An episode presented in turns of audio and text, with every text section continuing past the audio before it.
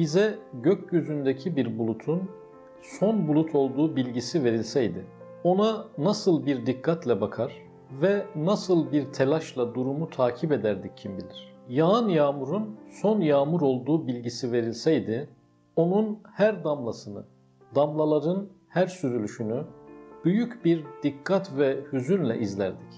Fakat ne gariptir ki değil bir bulutun bütün yaşamın en son yaşam, devamı gelmeyecek bir yaşam olduğunu söyleyenlerin uydurduğu yalana serin kanlılıkla inanan pek çok kişi bulunabilir. Hiçlik ve yokluk fikri yaşamın bütün mutluluklarının ve bütün güzelliklerinin üzerine gölge düşüren bir yaklaşımdır. Ahiretin gerçek olmadığı, insan yaşamının devam ve sürekliliğinin bulunmadığı, insanın öyküsünün cennet yamaçlarında değil, kabir toprağında bile değil, yokluk karanlıklarında sona erdiği bir yaşamı kim yaşamak ister ki? Yokluk ve sonluluk duygusu ciğerleri yakan, tahammül edilmesi mümkün olmayan, insanın yaşam içerisindeki içindeki heyecan, hayal ve arzularını dibinden kurutan ve topyekün körelten bir meseledir. Hatırlanmayan bir rüya ne kadar varsayılabilecekse böyle bir yaşam da işte o kadar varsayılabilir. İnsan nihayetinde yok olacaksa dünyada yaşadığı mutluluklar da tattığı varlık deneyimi de daha şimdiden hiç hükmüne geçecektir. Ahireti olmayan birinin dünya yaşamı nedir ki? Acılardan, musibetlerden, zorluklardan, sıkıntılardan başka insana sunduğu şey nedir ki böyle bir dünyanın? Böyle zor bir yaşamda en büyük final ve vaat ölümdür.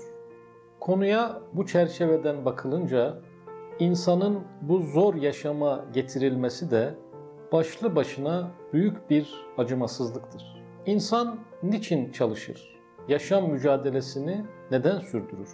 Hedeflenen şey önce insanın yaşam için emekler vermesi, yaşarken türlü acılar çekmesi ve ardından gömüldüğü kara toprakta çürümesi midir? İnsanın davet edildiği ve geldiği son nokta bu dünya hayatıysa, insanın varlığı da yürütmeye çalıştığı bu zor yaşam da abestir. Yokluğa gittiğine inanmak, insanı yürüyen bir cenaze haline getiren problemli bir düşüncedir. Şayet insanın önü yokluksa, çektiği acıların ve harcadığı emeklerin ötelenmiş bir karşılığı da bulunmuyorsa, üstelik bu fani yaşamın takvim yaprakları yırtılmaya devam ettikçe bu acılar ve zorluklar azalarak değil, artarak devam ediyorsa, ardından da en büyük zorluklardan biri olan hastalık ve ihtiyarlıkla ve en nihayetinde en büyük acı olan ölümle noktalanıyorsa, insan ne diye var olmuştur sorusu hatıra gelir. Yaşamın böyle olduğunu düşünen bir insan, gönül darlığı, çilekeşlik ve yetimlik hissiyatından hiçbir zaman kurtulamaz. Çevresinde ardı arkası kesilmeyen vefatlara birer sönüş, çürüyüş ve tükeniş gözüyle bakan insan ruhu, nihayetinde hasta ve yaralı bir hale gelecektir. Ölümü bir son olarak tahayyül etmenin manevi ve psikolojik bedelleri pek ağırdır. Zevksizliğin, tatsızlığın, mutsuzluğun kaynağı ahirete iman değil, bilakis ondan mahrumiyettir. Yokluğa inanan insan kendi benliğine en büyük eziyeti yapan, kendine karşı büyük bir suç işleyen bir insandır da.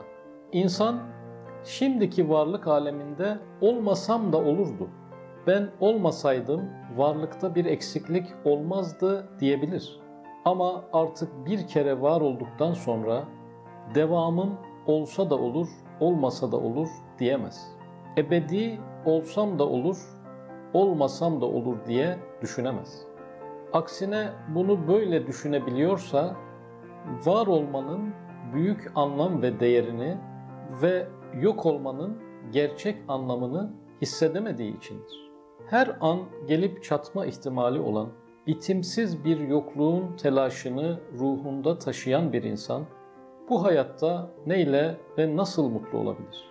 İnsanın can sermayesini, varlığını bir saniye içinde ve sonsuza kadar söndürecek olan ölüm, herhangi bir zamanda ve herhangi bir yerde pusuda bekliyorken, insan nasıl huzur içinde bir yaşam sürebilir?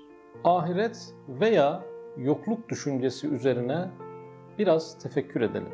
İnsanı hiçbir varlığa nasip etmediği özellik ve ayrıcalıklarla donatan yaratıcı, bunun ardından onu faydasız, amaçsız, maksatsız, gayesiz bir şekilde neden yokluğa göndersin?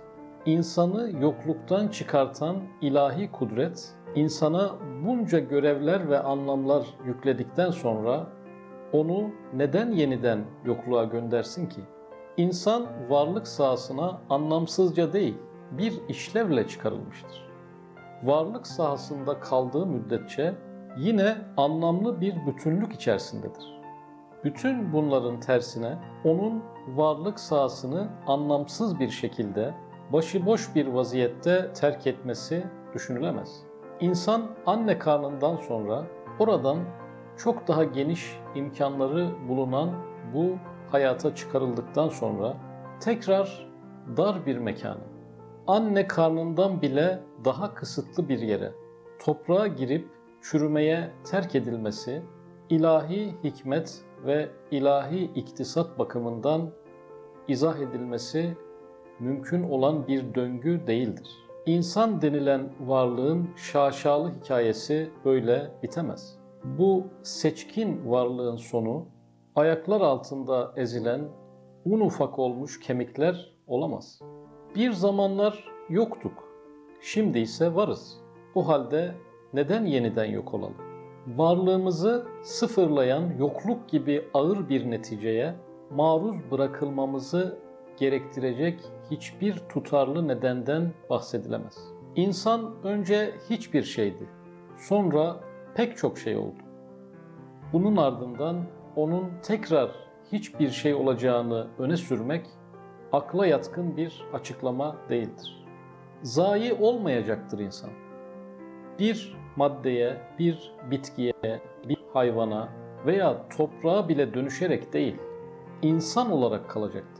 Nasıl insan olarak dünyaya gelmişse yine insan olarak yaşayacak ve ölümden sonra yoluna yine insan olarak devam edecektir. Ahiretin varlığına inanıldığında her şey açıklanabilir hale gelir. Yaşanan her şey anlamlı bir duruma gelir. Yaşamın sırrı, izahı en kolay mesele olur ve insanın ne olduğunun ve bu dünyada neden bulunduğunun açıklaması en kolay şekilde ortaya çıkar. Ahiretin varlığı öncelikle şimdiki yaşamı açıklanabilir ve anlamlı hale getirir.